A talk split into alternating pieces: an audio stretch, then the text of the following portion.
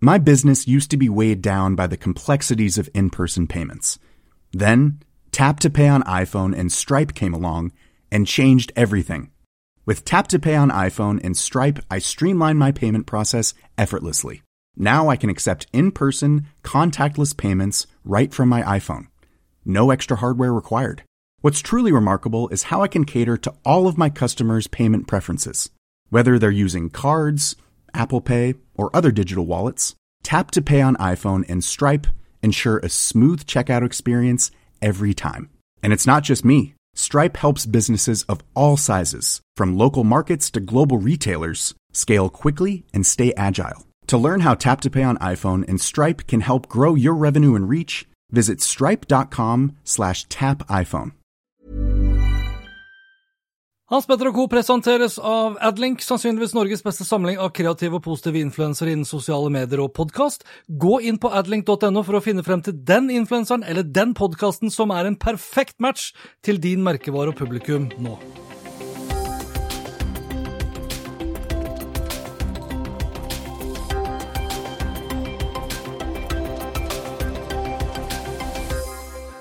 Hei og velkommen til Hans Petter og co. Jeg heter Hans Petter, og denne gangen så er det duket for en aldri så liten reprise.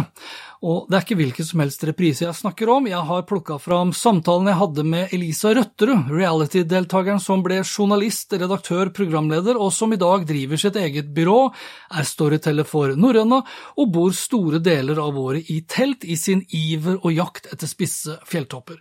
For nå som det snart er sommerferie, og sommerens hashtag ja, den er allerede bestemt, det blir hashtag norgesferie, så tenkte jeg at det her kunne være en perfekt anledning til å dra fram samtalen jeg hadde med Elisa Røtterud på tampen av 2019, altså lenge før covid-19, og lenge før det ble hyperaktuelt for deg og meg å komme oss ut i vårt fantastiske land. Men det første jeg spurte Elisa om da jeg traff henne på Mesh Oslo sentrum, bare timer før hun skulle ut på en ny tur, ja, det var hva som fikk henne til å forlate den tilsynelatende trygge jobben som redaktør, og hvor trangen kommer etter å bestige fjelltopp fra. God fornøyelse. Jeg måtte jo forlate redaktørjobben fordi papir gikk jo til helvete, så det var jo en helt naturlig forklaring. Ja, men Hvilket år er vi da? Oi, Vi er vel i sånn 2008, kanskje? Og da mener du at papir gikk til uh... Ja, det begynte å gå Jeg slutta der i, i Kosmo i 2011. slutta ja. jeg i Kosmo. Men altså, det var ikke bare høye heller, for jeg reiste rundt om i verden og gjorde reisereportasjer. Jeg var jo såpass grådig at jeg ville ha den seksjonen også. ja. Så jeg reiste rundt og koste meg. Men da fikk jeg en sånn, ble jeg veldig lei eh, det glamorøse, på en måte. Og, og begynte å søke fjelltopper. Det, ja, hvorfor fjelltopper? Hvor kommer det fra? Jeg tror alle nordmenn har sånn friluftsliv i seg. Det kommer jo fra, det er vi jo vant til. Ja. Og jeg begynte å ta bussen til eh, Besseggen, til Gjendesheim, og gikk Besseggen alene kanskje åtte ganger. Eh, for det var den ruta, det var det buss, og den kunne jeg på en måte, og koste meg alene. Ja. Og så oppdaga jeg hvitserk. Hadde tur til Nepal. Eh, og da reiste Hvitserk? Ja. Eventyrreiser. Oh ja, ok, for nå kommer jeg til å tenke på Viking, altså Viking som har gått på HBO. så heter han, han ene heter Hvitserk. ja, men det er ikke det. nei, nei, Hvitserk. Og da dro jeg på sånn guida tur til, eh, til, Nepal i 2011. Uh, og besteg en topp på 6000 meter. Den er ganske lett å bestige. Men da ble jeg, det ble vendepunktet i livet mitt. rett og slett. Men da hadde du ikke noe særlig bakgrunn å nei, det skal jeg love deg. Jeg var en fuglehund der oppe. Var nysgjerrig, og det er jeg jo fortsatt, men sånn virrete. Ja. Hadde ikke peiling på bekledning og hvordan man skulle bevege seg opp i tynn luft, så jeg ble jo selvfølgelig ganske dårlig. Eh, som er en egen historie i seg selv. Jeg ble satt sittende værfast en uke og veide jo 48 kilo da jeg kom hjem, så litt sånn à la Robinson eh, kanskje. Bare sånn for å pensle inn på noe jeg ikke liker å snakke om. Eh, men da var det på en måte gjort, da. Da var det liksom noe nytt. Men det var men, ikke noe sånn dramatisk. Okay. Ikke sant? Men da hadde, for da hadde du fortsatt jobb når du besteg den første, ja. og så kommer du hjem og så, fyrer, og så sier du opp jobben vår? da? Eller? Og så Nei, vi, starter ble, helt ny vi, vi hadde jo ansiennitet i alle medier, da, så jeg fikk en jobb som For de kunne jo ikke sparke meg, men de var sikkert veldig interessert i det. Så jeg fikk en jobb som eh, Hva var det for noe sånn heklejournalist i alders? Det var det de kunne tilby meg, da, og da visste de at det, det det kan jo ikke jeg gjøre. Det er en sånn gjøre. fin måte å få deg ut på. på men på den tida var det gode sluttpakker. ok. Ja. Og da, med, de slutt, med, den sluttpakken så bestemte du deg for å Skulle du liksom leve av å bestige spisse fjelltopper? Nei, fordi da er man jo rett og slett dum. Man må gå tjenestevei. Jeg er ja. veldig konservativ. Eh, ja, For vi snakket ikke om influencer marketing på den tiden der? altså? Nei, absolutt ikke. Men uansett, for å bevege seg i tynn luft, så må du skynde deg langsomt. Ja. Du må gå sakte oppover og få erfaring på veien. Men eh, jeg starta da å jobbe for meg selv, eh, litt med PR og med ulike merker. Skrev content for dem. Uh, gikk innmari dårlig de første to årene, så jeg var skikkelig bekymra. Okay. Og møtte samtidig da Det var ikke det at det gikk det innmari dårlig, eller var det du som skrev innmari dårlig? Det er sikkert en kombinasjon, skal jeg tro, siden det gikk så dårlig. Og samtidig møtte jeg mannen min, som da drev en bringebærgård i Lærdal. Oi. Og da begynte jeg å pendle til Lærdal. Og han er jo en gammel frikjører som har bodd eh, hele livet sitt i Chamonix, eller Chamonoika som vi kaller det. eh, og, eh, og, de ble jo Norges største bringebærgård. Bare sånn, Det gikk jo bra, da, men mm. eh, det var ikke noe akkurat noe at jeg er noe gold digger, for det er ikke sånn at du blir bringebærmillionær. Men vi koste oss, eh, og da dro vi mye på tur i Jotunheimen, og han også ga meg mer og mer innblikk da, i norsk fjellsport og alt som er. Ja. Mm. Men uh, tilbake til mitt innledende spørsmål, som var todelt. da. Beklager. Nei, nei, det var todelt. Det er min oppgave. Jeg skal følge med. Nei, du har svart på det første. Og så svar, kan du svare da på det andre, da, som er da mer sånn hva er formålet ditt? Er, i, mange snakker om purpose og liksom the why. Mm. Hvorfor gjør du det du gjør nå i dag? Ja, øh, jeg gjør det jeg gjør fordi jeg får og det her er så dølle svar, egentlig, men jeg får last, Du som jobber med tech, da, man laster ned meditasjonsapper. Må ikke ha den appen jeg, vet du, når jeg er der oppe i tynn luft eller på fjellet. Hvert skritt teller. Du er i nuet. Jeg elsker å slite. Jeg elsker å ha det kaldt og ha det vondt. Ja, du gjør det? Og kan, å, det er det beste jeg vet om. Altså, For da kjenner du at du lever? eller? Kjenner at jeg lever, og jeg jobber. Jeg liker å jobbe og ja. slite. Uh, og da koser jeg meg skikkelig. Du skriver jo på, på Og ja. en ting til som er mm -hmm. viktig å kommentere. da. Ja um, mål Altså, har man ikke et mål, så er det ikke noe mening, mener jeg, da. Um, og jeg har jo på en måte satt meg litt sånn Jeg begynte samtidig i 2011 med Birken, f.eks. Ja. Som litt sånn rookie måljeger. Uh, og er i dag blitt en sånn Tourettes-dame som er merkejeger og unna vei og flytter og får sånn dårlig Så liker å ha et mål alltid, da. Å jobbe meg mot og strebe meg mot. Så da er jo det svar på det spørsmålet. ja, det bestemte du sjøl. jo, men hvis jeg sier, Når du sier mål, da, hva er liksom det, vil du bli ferdig? Altså, Er det sånn at du skal bestige så og så mange fjelltopper, eller skal du ha så og så mange følgere på Instagram-kontoen din, eller så og så, så, så mye inntekt, eller bringebærinntekt, eller eh, ja, altså Nå er jeg blitt såpass gammel at jeg liker å ha en viss inntekt. Ja. Man, har jo, man liker å bo der man bor, og kanskje unne seg et par fine sko av og til. Og man liker kvalitet, da, og det ja. koster jo. Og det koster jo å reise rundt på tur. Så da, hvis jeg sier noe annet, så, så lyver jeg jo.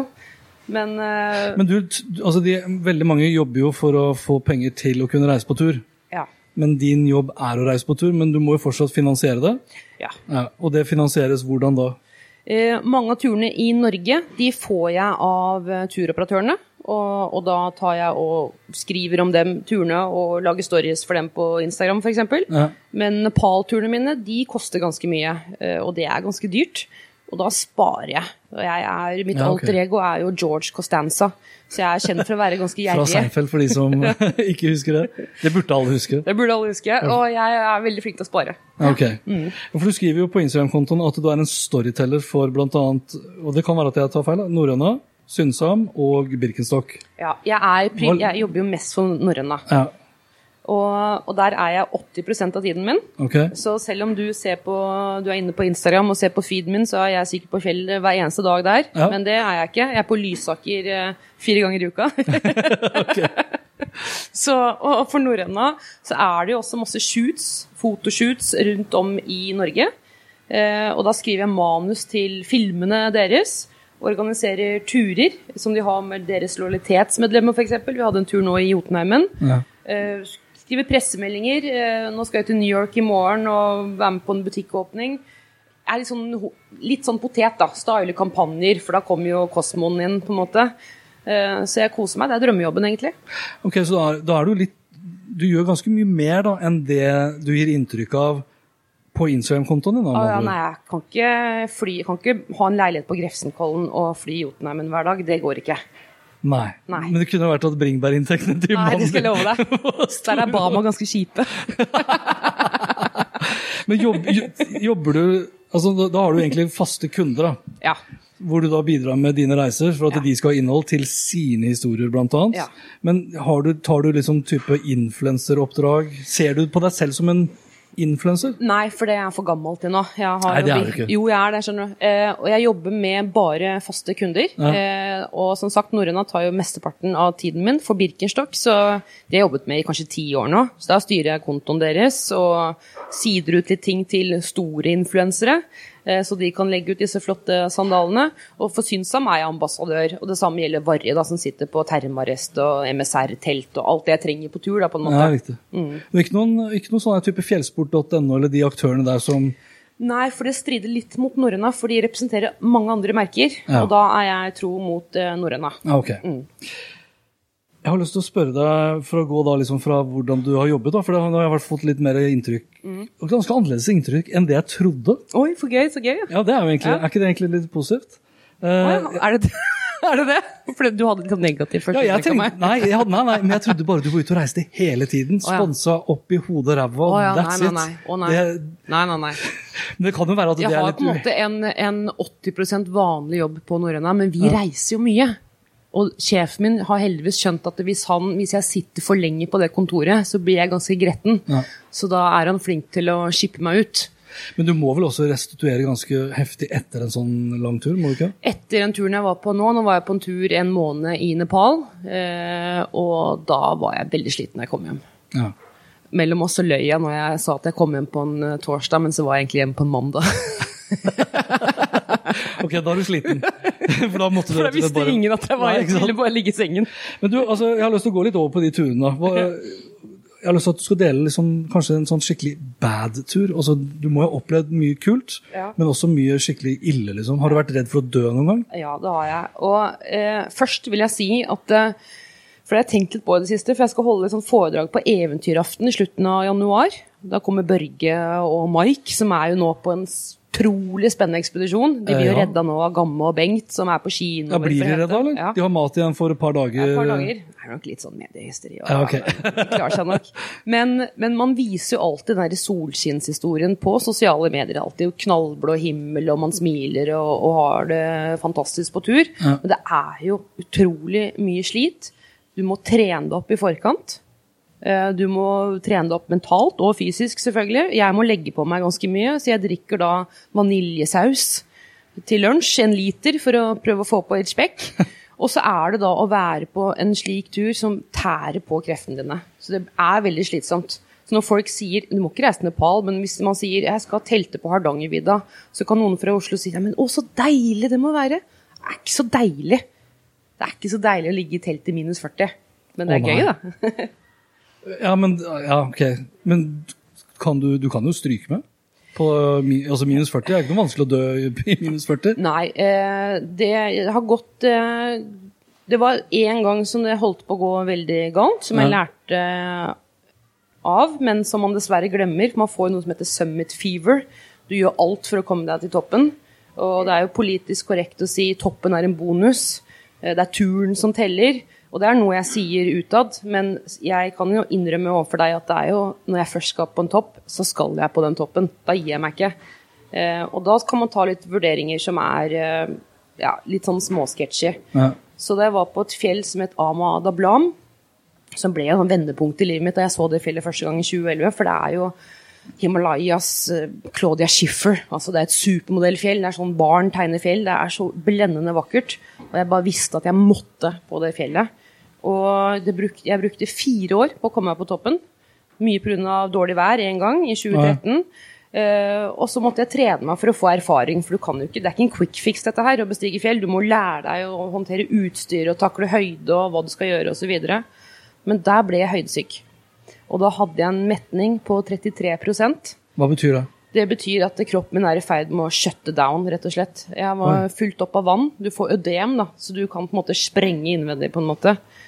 Seriøst? Eh, og da lå jeg som en sånn kake i teltet. Eh, og da tar du og måler deg med, på fingeren med met, altså oksygenmetningen din, ja. som da viser at du har dårlig metning.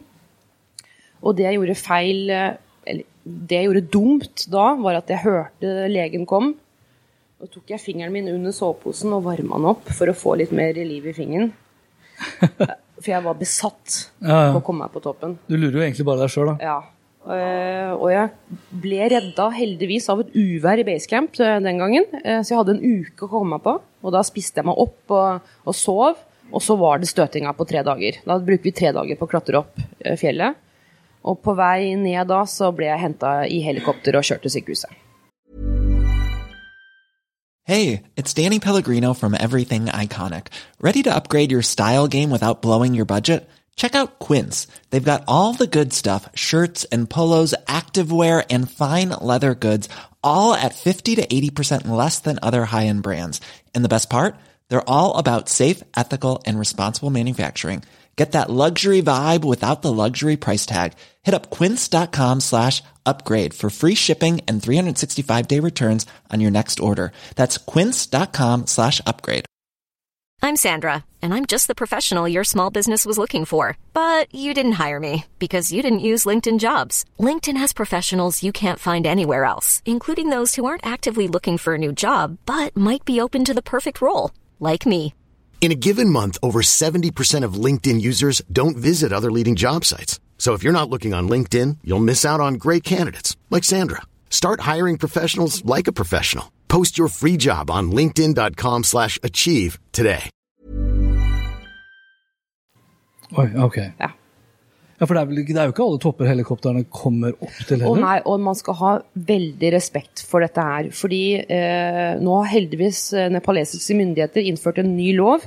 For du har sikkert sett de bildene på Everest i våres, da det var endeløst med kø oppover Everest. Yes. Og, og, det er jo på en måte, det er jo ikke så status i fjellklatremiljøet lenger å gå på Everest, det er mange år siden. Okay. Men for hvermannsen er det fortsatt verdens høyeste fjell. Eh, og har du penger, har du 400 000 i, i banken, så ja. kan du egentlig melde deg på en Everest-tur. Og det vil si at det er veldig mange på det fjellet som ikke har noen ting der å gjøre.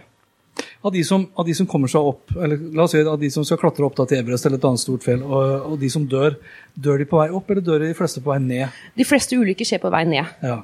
Og, og, jeg hadde en sånn lignende um, opplevelse da jeg var på Mamaslu, som er en 8000 meters topp, for to år siden. Og da gikk vi fra Summit på 81 Hva høy er manusøyene? 8126 ned til basecamp på 4009 i, i ett strekk. Og på veien ned da, når vi kom på camp 1, som bare består av bredpartier Det er ganske flott, men det er jo bredsprekker. Og tenkte jeg men jeg ser jo de sprekkene. Jeg gidder jo ikke å bøye meg og klikke meg inn i tauet. Vi bare komme til basecamp og legge meg. Og da falt jeg. Eh, så jeg ble redda av sekken min. Og så steg jeg og holdt jeg den andre enden, så jeg lå med rumpa ned i sprekken. Og det er også rart hvordan hjernen fungerer, for jeg klarte ikke å rope hjelp, for jeg skjønte jeg driter meg ut. Det er jo flaut, da. Så jeg bare hviska for meg selv Security, security, security. Rart, det. Men og da kom en Sherpa og, ah, ja. og redda meg opp, da. Okay. Så Men hva, hva, hva, er du altså, du har jo med deg Dere må jo ha med dere sikkerhetsutstyr. Én ting, altså, ting, er liksom det fysiske i form av tau og sko mm. og liksom alt mulig. Mm. Men sånn rent sånn teknologisk, GPS-trackere Nei, nå må jeg stoppe deg. Det du har med deg på, på fjellet, og uten dem går det ikke, er jo sherpaene. Okay, no sherpa, no summit. Og en 8000 meter har du ikke lov til å gå uten en sherpa, også en 7000 i dag, for de har jo skjønt her kan de tjene gode penger. Sherpaene får noe som heter summit-bonus okay. hvis du kommer på toppen, og da får de 1000 dollar, eller 1500 dollar. Det kosta den toppen jeg var på nå. Eh, og da kan han bruke De pengene går rett i lomma på han, og da blir barna hans sendt på skole. Ja. Så han jobber hardt en korrupt bransje, altså. Ja, skal jeg love deg. Men for å få deg til toppen. Og ja. Derfor er det også viktig å finne gode sherpaer. Ikke de som utsetter livet ditt altfor mye Men, i fare. Er sherpaene sånn sett da viktigere enn egentlig liksom GPS og alt mulig Ja, det skal jeg love deg. Det ja. blir. Sherpaen er din GPS. Ja, det er din GPS, ja. det er det. er de, altså, Sover de i samme telt, eller? Nei. Eller de liksom, eh, når vi kommer oppover campene, i basecamp, så vi, sover vi alene i teltet. Ja. Og det teltet er gjerne litt sånn romslig kanskje tremannstelt for én person. Så der har jeg jo pleier alltid å rigge litt sånn system rundt meg. Sånn på høyre side er det spa, og der, det betyr våtservietter. Uh, og så, et såpestykke. Og så har jeg tech-avdelingen, som er jo da GoPro og ladere og alt sånne ting. Og så har jeg biblioteket, og det er kanskje en iPad, for du laster ned masse på iPaden og ser mye sånn feel good-filmer. Fordi hvis du ser skumle filmer, kan du få puls, og det er ikke bra i høyden. Men på bare... Basecamp har dere, dere har jo ikke vanlig elektrisitet der? Basecamp har vi aggregat, ja. og der er det kamp om å lade. Så det er det førstemann til mølla. Du har ikke med solcellepanel og sånt? Du, jeg har hatt med en én gang, kanskje ikke jeg skal si merke, men det var visst veldig anerkjent merke, og jeg ja. syns ikke det funka. Så jeg har bare med meg powerbanks på tur. Ja, okay. Men ganske mange. Ja. Største powerbanken jeg har, er vel på 22 500 eller sånt? Ja. Har du større, eller? Nei, jeg har med mange små forskjellige så jeg kan putte opp sekken. Okay. For du har én bag som blir båret enten av okser eller av en bærer. Ja. Og så har du dagstursekken din. Helt opp til de høyeste fjellene så er, det, så er det dyr som bærer de Nei, altså jakkoksen lever fra 3000 meter. Ja. Går jakkoksen lavere ned, så sprenger lungene på den oksen, så det blir fyrverkeri, eh, innvoller i fyrverkeri. Men, men jakkoksen er jo kjempeviktig. Og, andre, og så er det bære, vanlige mennesker som bærer for deg. Og da er det blitt regler, det òg kan være 20 kilo på ryggen. Det er jo ikke rart at det blir dyre turer, da. Ja, det er sjokkdyrt. Men hva du, du, nevnte GoPro. Det er det du satser på av vanlig type kamera? Ja, jeg er blitt veldig glad i, i GoPro-en. For du tar, det, det, er jo noen helt fantastiske bilder. Ja, jeg syns, jeg syns det er, Ikke når det er dårlig vær, men når det er fint vær ja. og lager videosnutter og sånn, syns jeg den er fantastisk. Og da det der stemmefunksjonen kom på GoPro-en, var det på syveren, nei sekseren, Nei, femmeren kom med den GoPro take a photo. Du kunne bare si det, så tok ja, ja, GoPro bilder. Men så funka ikke min, så jeg liksom maila GoPro bare what the fuck, og dette er bare tull, og det funker jo ikke. Men så fant jeg at jeg er jo så innmari euforisk når jeg er på tur, så jeg sier jo ikke GoPro take a photo. Jeg sier GoPro take a photo! Og den reagerer ikke på å være glad, da. Der burde det kommet litt mer AI inn. Altså, han lærte å kjenne igjen liksom, Elisa sin stemme. Men det går i GoPro. Har du, hvilken du bruker iPhone. Tar, tar, du bilder med iPhone når du er på fjelltur? Nei, vet du hva, mindre og mindre. Ja. Uh, og jeg styrer jo også mye av storiesene til, til Norrøna, og da ser vi liksom forskjellen på kvalitet. Da. Det er litt, litt mer sånn premiumfølelse med, med GoPro-en, men jeg vet at man kan diskutere dette her opp og ned. Ja. og så har jeg et knøttlite kamera, uh, ja. fordi uh, et, jeg kan ikke ha med så mye tungt utstyr, og jeg er jo ikke profesjonell fotograf eller videomaker eller noen ting. Og da må jeg ha lite og nett utstyr. Og dette kameraet mitt her, det kan jeg ha på innsiden av, av lommen. Og jeg kan også bytte objektivet på det. Klassisk Olympus? Ja. ja. Og det koster ganske lite, og tar helt greie bilder. Og så redigerer etterpå i Lightroom. Men det gjør du fra Basecamp, da? Eller venter du med det til du kommer hjem? Og så ser, De bildene jeg ser for på Instagram, er det noen av de som da er liksom tatt i nuet? I, I, Nepal, og det har man jo litt eh, godt av på den ruta jeg gikk nå, som var på grensen mot Tibet. Ja. Eh, det er jo en tidsreise. Helt fantastisk. Folk bor jo i steinhus og lever bare av poteter og, og kål, mer eller mindre. Og det er klart, da er det ikke wifi der. Det var litt deilig. Eh, Hvis ikke så blir det til at du skal lage stories og blogge fra tur, og, og, det kjenner man litt på som en storyteller, eller hva man enn kaller seg for noe. da. Du alltid skal legge ut. Så da har jeg lagd en regel til meg selv. Eller da hadde jeg ikke noe valg, så lagde jeg alt da jeg kom hjem, eller begynte litt i Katmandu. Ja. Men også når jeg er på tur i Jotunheimen og stopper opp, du er og koser deg, så skal du bare stoppe opp og skrive tekst og lage stories. Altså, slapp litt av. Kos deg på tur, og så lag de etterpå til et glass god Barolo. Men du tar mye på vei opp, eller? For altså, ja, ja. Jeg får jo litt sånn inntrykk ja, ja. For det er jo ganske viktig, da. Altså, sånn, vi kan jo gjerne se liksom, det sinnssyke bildet når det er blå himmel og du er på toppen, og alt virker bare rosenrødt. Og så kjenner jo ikke jeg da til liksom de andre dagene. Nei, men det skal man begynne å vise litt mer av. Ja, ja det, er, det. det, var det jeg også tenkte jeg, som en del av den storyen. Jeg har begynt litt fra turen nå, da. Det er litt sånn grining i teltet og oppblåst i trynet og Du ser jo ganske jævlig ut, i hvert fall når du har driti på deg selv en uke. Så er det jo ganske stygg og, og fæl. Jeg, jeg jeg så Jeg tror det var på den videoen du har til talerlisten, for du er registrert på talerlisten, ja. hvor du gjorde et lite nummer av at du hadde dobbelthake. Ja, ja da var jeg høydesyk, ja. ja. For jeg klarer ikke å se noen antydning til noe dobbelthake nå i det hele tatt. Men er det Nå har vi jo gått gjennom litt av utstyret. Jeg ser ja. du har GoPro-en der med en slags Og Hva heter den her for noe? Den her er jo fantastisk. Den, det er en sånn klype. Oh, ja, en slags, ja, ja, det er jo ikke en gorillapad, men det er en slags gorilla. Den kan du klype egentlig hvor som helst. da. Og den kan du ta, fordi i Nepal er det jo utrolig Egentlig det skumleste i Nepal er jo å sitte i bil, fordi de veiene der er jo helt forferdelige. Og i hvert fall inn mot grensa til Tibet så er det jo bratte stup, og det er jo som å være med i en Disney-film. Og da tar jeg og fester den her på, på bilen, Ja. og så får jeg gode filmsnutter fra dette her. Så denne her syns jeg var veldig artig å ha med på tur nå. Men du burde teste ut Har du hørt om Insta360 One X? Nei, Nå har jo Skal få et tips av deg Ja, nå har, jo, nå har jo også GoPro har jo også da sånn type 360 Den har jeg med her. Riktig. Hva heter den? Max. Eh, ja, den tar, ja, ikke sant? Den. Ja. Riktig. Han godeste Thomas Engeseth, vet du om det er? Ja. Han tar jo veldig mye med Gjerne da litt lengre selfiestang i tillegg, sånn at du får med deg hele. Og så kan du velge etterpå da, hva det er du ønsker av vinkel ja. til selve redigeringen. For folk, ikke, folk gidder jo ikke å sitte og se på 360-videoer. Nei, nei. Men det å ha muligheten til å shoote i 360 og etterpå bare redigere det enkelt Han er GoPro, jeg er veldig er Insta360. One X-mann med Du sa du er for gammel til, sånn, til å være influenser. Jeg føler av og til at jeg er litt for gammel til å fly rundt med en tre meter lang selfiestang. Ja, det er ganske gøy å følge med på dine stories, syns jeg.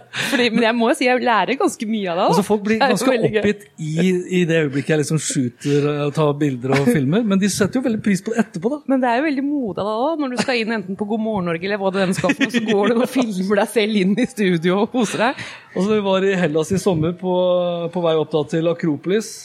Så jeg fløy da med den, så, så var det jo, fløy da med en tre meter lang selfiestang, så var det jo rimelig mange Det var to ting som skjedde, egentlig. Eh, veldig mange som da var veldig opptatt av den selfiestanga, nesten mer enn Akropolis. Og veldig mange som lurte på om jeg var, var, guide. Jeg syns egentlig det var litt morsomt uh, sånn sett. Du, eh, vi går videre her. Eh, jeg tenkte jeg skulle egentlig spørre deg liksom om de her forskjellige kanalene, men nå har vi egentlig avdekket. At du ikke er liksom Du har din Instagram-konto, men utover det så er det jo ikke din, dine stories du er opptatt av. Du skal skape stories for dine kunder. Ja. Da, Men jeg er jo selvfølgelig syns det er gøy å legge ut på min egen. Ja. Det har du jo sikkert sett. Jeg på Instagramen, ja. Ja. Men du er jo også på andre kanaler, men det er jo ikke like, du er ikke like heftig der. Altså YouTube. Er, Nei, jeg, blir, jeg husker jeg hadde et møte for mange år siden at eh, du må ha en YouTube-kanal. Nå er det snakk om du må ha en podkast, og så må du, må du ha skrevet en bok. Ja. Og så merker jeg sånn Hva er det jeg Hva slags, hva slags vettug ting jeg har å si som ikke er sagt før, på en måte? Jeg liker å si som Johan Herman Wessel, jeg er født i bagateller, noe stort ble jeg ei heller. Har ikke hørt altså. Men det står på gravstøtta hans, til og med. liker jeg. Men eh, nei, vet du hva, det, det har jeg rett og slett ikke tid til. For like jeg, da hadde jeg ikke jeg fått vært på tur. Hvis Nei. jeg skulle podda og lagd YouTube-kanaler og, og så videre. Men bok, altså burde det, det burde jo komme bok ut av alle de reisene, alle de Jeg har vært veldig mye fine reiser. Ja. Eh, og det er litt det, det som det hele begynte med, da. For det var i, i 20-årene så var jeg veldig opptatt av, av yoga. Og det var masse i India på ashrammer. Ja. Eh, for de som driver med yoga, er så pene og glødende, og jeg ville også bli sånn, komme i vater, da. Og så hadde jeg en artig opplevelse der, for da var det en guru som sa til meg at eh, du klarer jo ikke å sitte stille. Du har for mye energi fra underlivet ned, men du er helt død, rett og slett, fra underlivet opp, da. Så det skulle han kurere. Okay. Og, da, og måten han gjorde det på, var at han stakk en finger i rumpa på meg. Hæ? Da Seriøst? fikk jeg ha nok av hele det yogamiljøet. han dro ikke ned buksene mine eller noe, så han gjorde liksom det på matten sånn estetisk tilsynelatende. Estetisk finger i ræva. ja. Men og etter det så ble jeg opptatt av Afrika. Da var jeg bare i Øst-Afrika. Jeg jobba på en barneskole i Namibia. Jeg jobba masse i Cape Town, for det er jo mye produksjon. Der jobba jeg masse for aller og lagde moteserier og koste meg alltid i Cape Town. Og Mosambik tok jeg og dykka, og Zanzibar og Tanzania. Jeg bare elsket Å, Afrika, og musikken og Jeg har lyst til å dra til Zanzibar. ja, veldig fint. Veldig fint. Ta båten fra Dar es Salaam, selv om den er litt sketchy. Okay. Men, eh, men, eh, og der plukka jeg opp masse, masse fra Øst-Afrika, koste meg. Og så oppdaga jeg fjellheimen i Norge, og så Nepal. Så jeg bare plukka med seg ting fra hvert sted da, som jeg putta opp i sekken min, som jeg sier. Hva, er, hva, hva, er, hva vil du si er den beste, mest fantastiske reisen? Det du har liksom det feteste minnet fra? Går det an å si at det er ett? Nei, fordi hver tur har sin sjarm. Men jeg husker jeg hadde en periode jeg samla på bokser fra, fra hvert land. Og i den boksen så besto det gjerne av en parfyme, for duft bringer jo minner. Kunne jeg åpne opp den og Åh, den duften brukte jeg da. Kanskje jeg klippet av en del av en kjole som var slitt, så jeg skulle huske det plagget. Og å, husker du? Ja. Eh, og litt sånn skjell og sånne smågjøgleting da, som er gøy å ha. Men, eh, men nå, i dag, så er det jo Nepal som hjertet mitt eh, brenner for. Jeg er jo kjempeengasjert. Jeg har vært der med, med, klær til gutta mine, som jeg kaller dem, for jeg har valgt å ikke få barn. Men, men at de på en måte blir som barna mine, da. Mm. Så jeg kan dra dem med utstyr til dem og Ja, det er kjempekoselig. Men Nepal er jo en, det er lang, altså For oss nordmenn flest så er Nepal It's never gonna happen. Og? Nei, for folk flest. Nei, det vil jeg ikke si. Så for folk flest Nei. kommer til å dra til Nepal? Men Det er veldig vanlig for hvermannsen å gå på trekkingtur i Nepal. Jeg så Cecilie Stauda, du har vært der i Nepal for ikke så lenge ja, siden. Men tok... hun har jo tross alt en rimelig fet ektemann da, som vet å reise. Jeg tok med Vårt og guida henne første året før hun dro med familien sin ja. til Ama Basecamp. Og hun er jo sterk som en bjønn, ja, det skal du ha. Ja. Men, men, å gå innover mot Everest Basecamp, som er på 5004 det, hvis du gjør ting riktig, dvs. Si å gå sakte, drikke masse vann og bevege deg riktig. Du har sikkert vært og dykka før, har du det? Nei, jeg snorkla bare. Ja, men ok, da. Men, ja, sorry. Den storyen funka ikke. Funker alltid. Men du beveger deg sakte, da. Du går sakte til pusten din. Og der bruker jeg yogaen fra India. Skritt, skritt. Skritt, skritt. Sånn går jeg bortover. I det tempoet? I det. Du går kjempesakte. Ja. For å akklimatisere kroppen din. Okay. Ja, altså jeg trodde jo egentlig jeg stilte et sånn ledende spørsmål, sånn at Nepal ikke var liksom tilgjengelig for nordmenn flest. Barn vi... kan gå i Nepal og trekke innover. Tolvåringer, tiåringer. Ta med familien og reis. Jeg tok med, jeg tok med mine tolvåringer, eller da hadde vi vel akkurat fylt 13, opp til eh, Og da er vi i Norge igjen, altså. Ja. Uh, ikke Besseggen, men Åh, Galdhøpiggen, da. Hæ? Galdhøpiggen, sikkert. da. Nei, vi har ikke vært på Galdhøpiggen. Nei, bra, bra. Hvilke fjelltopper burde Ok, Nå husker jeg svarte ikke navnet på det er unna Galdhøpiggen, og Fordi... det er unna Besseggen. Uh, ja, hvorfor det? Besseggen ser jo fantastisk ut, og ja, skummel ut. Ja, Hvis du vil gå i kø med masse andre folk, okay. uh, så tar du Besseggen. Uh, og hvis du vil gå i kø med masse andre folk, så går du også Galdhøpiggen. Ja. Det de har gjort med Galdhøpiggen, er at de har bolta det fjellet og tilrettelagt det ganske mye, slik at folk som går med Converse og flipflops skal kunne klare å komme seg på toppen. Okay. Så, så, jeg syns ikke man Nå er det jo snakk om um, vi har jo fått masse via Farata rundt omkring, det er, det er moro, det skal ikke være så firkanta. Men gondolbane opp i Åndalsnes, da, det syns jeg er bare trist. At man skal tilrettelegge så mye. For det blir ikke lagt igjen så mye penger i bygda. den er det, er det en del av Instagram-forbannelsen? Altså folk skal, skal opp på fjelltoppene, ja. ikke sant? Ja, det vil si. du ser jo da en ting er jo gondolbanen opp, en annen ting er jo da helt feil klesplagg. Og liksom den her eh, ja. vanvittige klassiske poseringen. Kanskje ja. i BH, kanskje toppløs. Kanskje toppløs. Er det liksom Naturen har jo blitt den nye backdropen for veldig mange. Ja. Eh, og det er jo gledelig for DNT f.eks., som ser medlemskapet bare øke og øke. For Generation Millennial, eller hva det nå kaller seg. Så det er jo bra sånn sett at de kommer seg ut. Men eh, og ikke, jeg kaster jo stein i eget glasshus, fordi jeg må jo også vise bekledningen uh, til de merkene jeg jobber med på, på topper og underveis på tur. Men å skifte til til, du står ikke i kjole og, støvletter? og, og tights liksom. Eh, og, og, vise så mye kropp. Og jeg føler at det også gir et sånn viss kroppspress da, blant ja. de unge. Så det der er jeg ikke noe tilhenger av. Det var jo en sånn morsom ballongdebatt i fjor ja. Som eh, var jo Stein P, som jeg, jeg, har jo veldig respekt for, som var jo ganske krass mot en viss person som poserer med ballonger mm. på Facebook. For han bruker jo Facebook, da. Han er ikke på Instagram så mye, det er Facebook av hans blogg. Og jeg syns han var litt kjip, så jeg tenkte, så skulle vi inn på God morgen Norge. tenkte jeg nå skal du i hvert fall beklage deg, var liksom min strategi. da. Så, ja.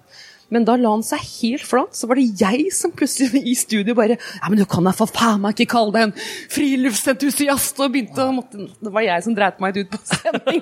Sånn. men tilbake til spørsmålet mitt. Eh, ja. Fordi du sa vi kan droppe Besseggen hvis ikke du har lyst til å gå i kø. Ja. Galdhøpiggen hvis ikke du har lyst til å gå i kø. Ja. Hvor er vi, hvilke fjelltopper burde vi liksom bestige i Norge? Ja, vi, kan for eksempel se på, vi kan være på Galdhøpiggen-området. Ved siden av Galdhøpiggen så er det et fjell som heter Veslepiggen. Okay. Eh, som er et fantastisk fjell som ingen vil gå på fordi det er ved siden av Galdhøpiggen. Fordi alle er på Galdhøpiggen. For at ikke du får så mange likes, da? eller? Og du får så mye likes her. Det er like-bom-fjell, altså. Oh, ja. Eh, jeg skal sende deg noen bilder etterpå. Du, du har en spektakulær utsikt mot Skarstinden på din høyre side, og Galdhøpiggen ser du i sin prakt på din venstre side. Og det er ikke noe lengre tur, det er litt klyving. Eh, så hvis man ikke er erfaren, så, og så er det litt luftig et par partier, så bør man jo ha med seg en guide. Ja, ok. Det må du jo ikke på Besseggen, nei, på, på Gallepiggen. Den kan du jo gå aleine. jeg, jeg trodde kanskje ikke man hadde det generelt sett i Norge omtrent. så- Og ja, guide, Guidebransjen er jo en gullalder nå, fordi alle vil jo på, på topper. og gå stolen f.eks. Man har jo viss respekt for fjellet. fordi igjen også, som Everest-køen, for å ta den f.eks. Hvis du har to rookies i joggesko som skal opp på store Skagastølstind, så skaper det kø i ruta. Og det vil man jo ikke ha.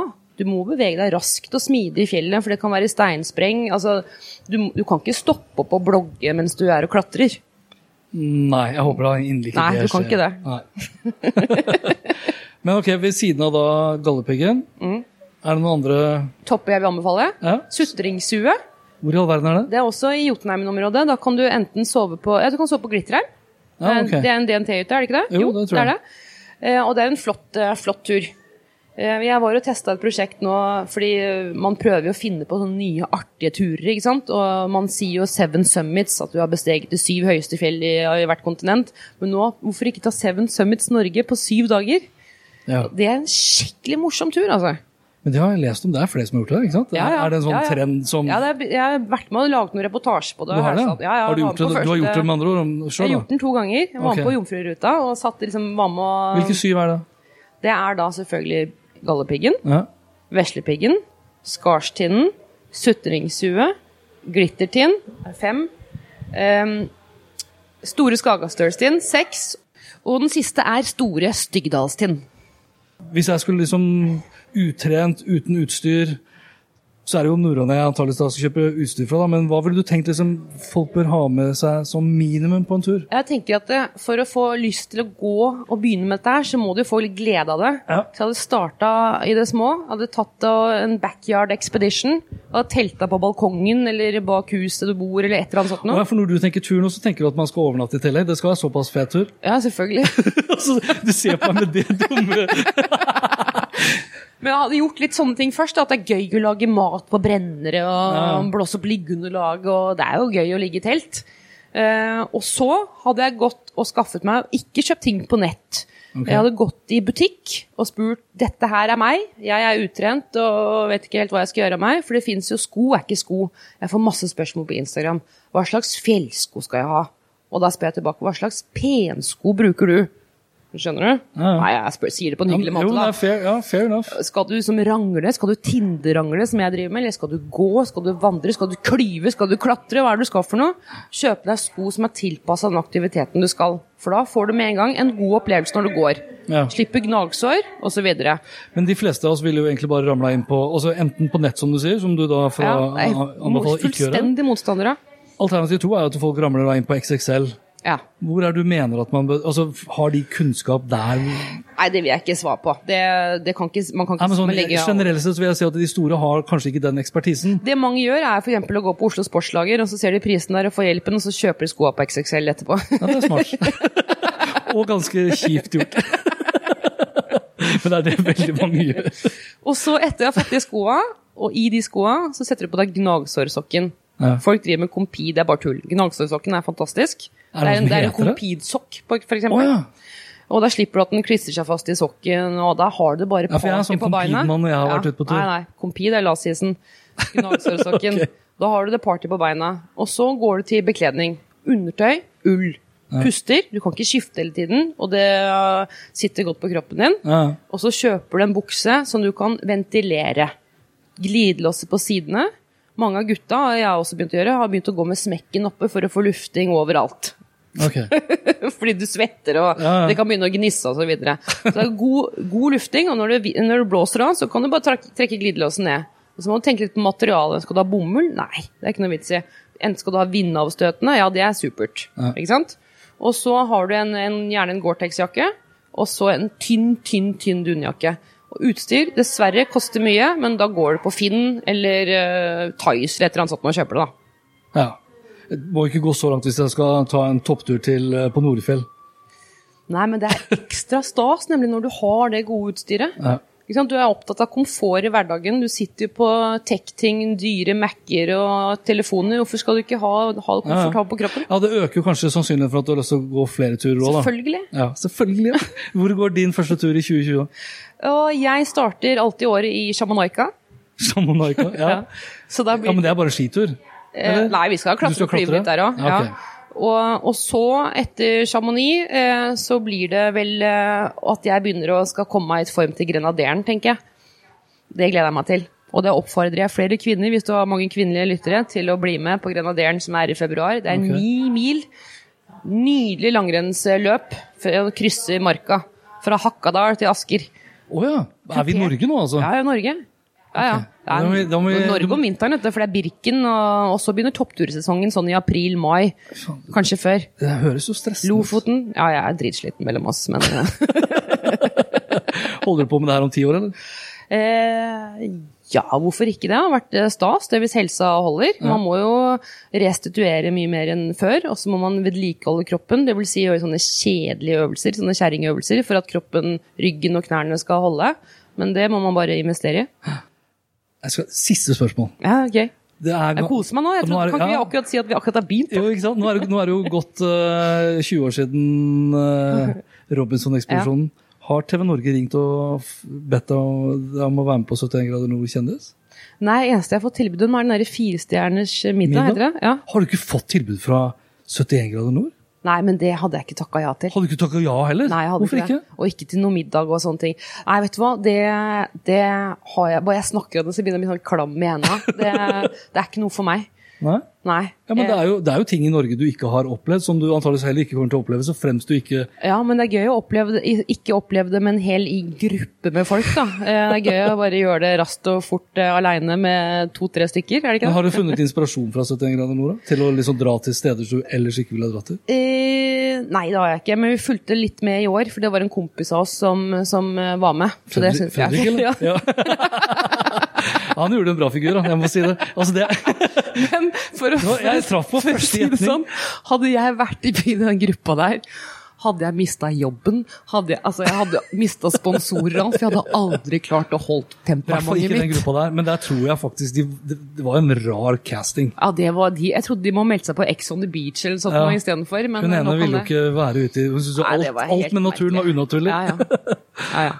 Ok, Nei, okay, Det blir ikke noe 71 grader nord på deg? altså? Nei, det gjør ikke det. Nei. For det er faktisk det programmet som inspirerer meg mest til å ha lyst til å, se, ja, lyst til å se mer av Norge. Ja. Det fantastiske landet. Ja, men Så gøy. Ja. Hvor går din neste tur, da? Kan jeg spørre da? Du har ikke lagt noen planer ennå. Og jeg må jo kjøpe utstyr. Ja, og så må jeg kjøpe en bra ryggsekk som kan huse alt det, det elektriske utstyret jeg skal ja. ja. Men du kan ikke bære så tungt, vet du. Less is more på, på tur. Det er, det er du må være gramjeger. Ja, for nå jo ikke, Vi kan jo ikke gå så veldig mange toppturer i Norge heller nå med stor drone. Nei, og det er jeg veldig glad for. Så det blir jo meter. Jeg er veldig motstander av den der dronen, ja, skjønner du. Ja, det bråker og ødelegger. Ja, det er for så vidt sant. Naturen skal du nyte, vet du. Men hvis jeg går på en topptur aleine, ja på vesle Det vil jeg absolutt ikke anbefale, hvis det skjer en ulykke. Jo, men sånn som du sa, sånn som du sa med, med gallepiggen, lillebroren holdt jeg på å si til ja. gallepiggen, husker jeg ikke navnet. Veslepiggen. Eller grisepiggen, som jeg kaller den. Som, som, hvor det nesten ikke er noen som går, så er det ja. ingen som vil reagere da på en liten drone der. Nei, men da, Hvis du gjør det, så skaper du en ukultur i, i heimen. Okay. Så det er jeg motstander av. Greit. Nei, nå skal jeg høre på deg, mm. Lise. Nei, vær så snill. Ikke noe drone i fjellet. Ikke noe droner i fjellet. Nei. Men du kan gi deg ett lite tips som jeg begynte å samle på. Glem det tech-utstyret du tar med deg på tur.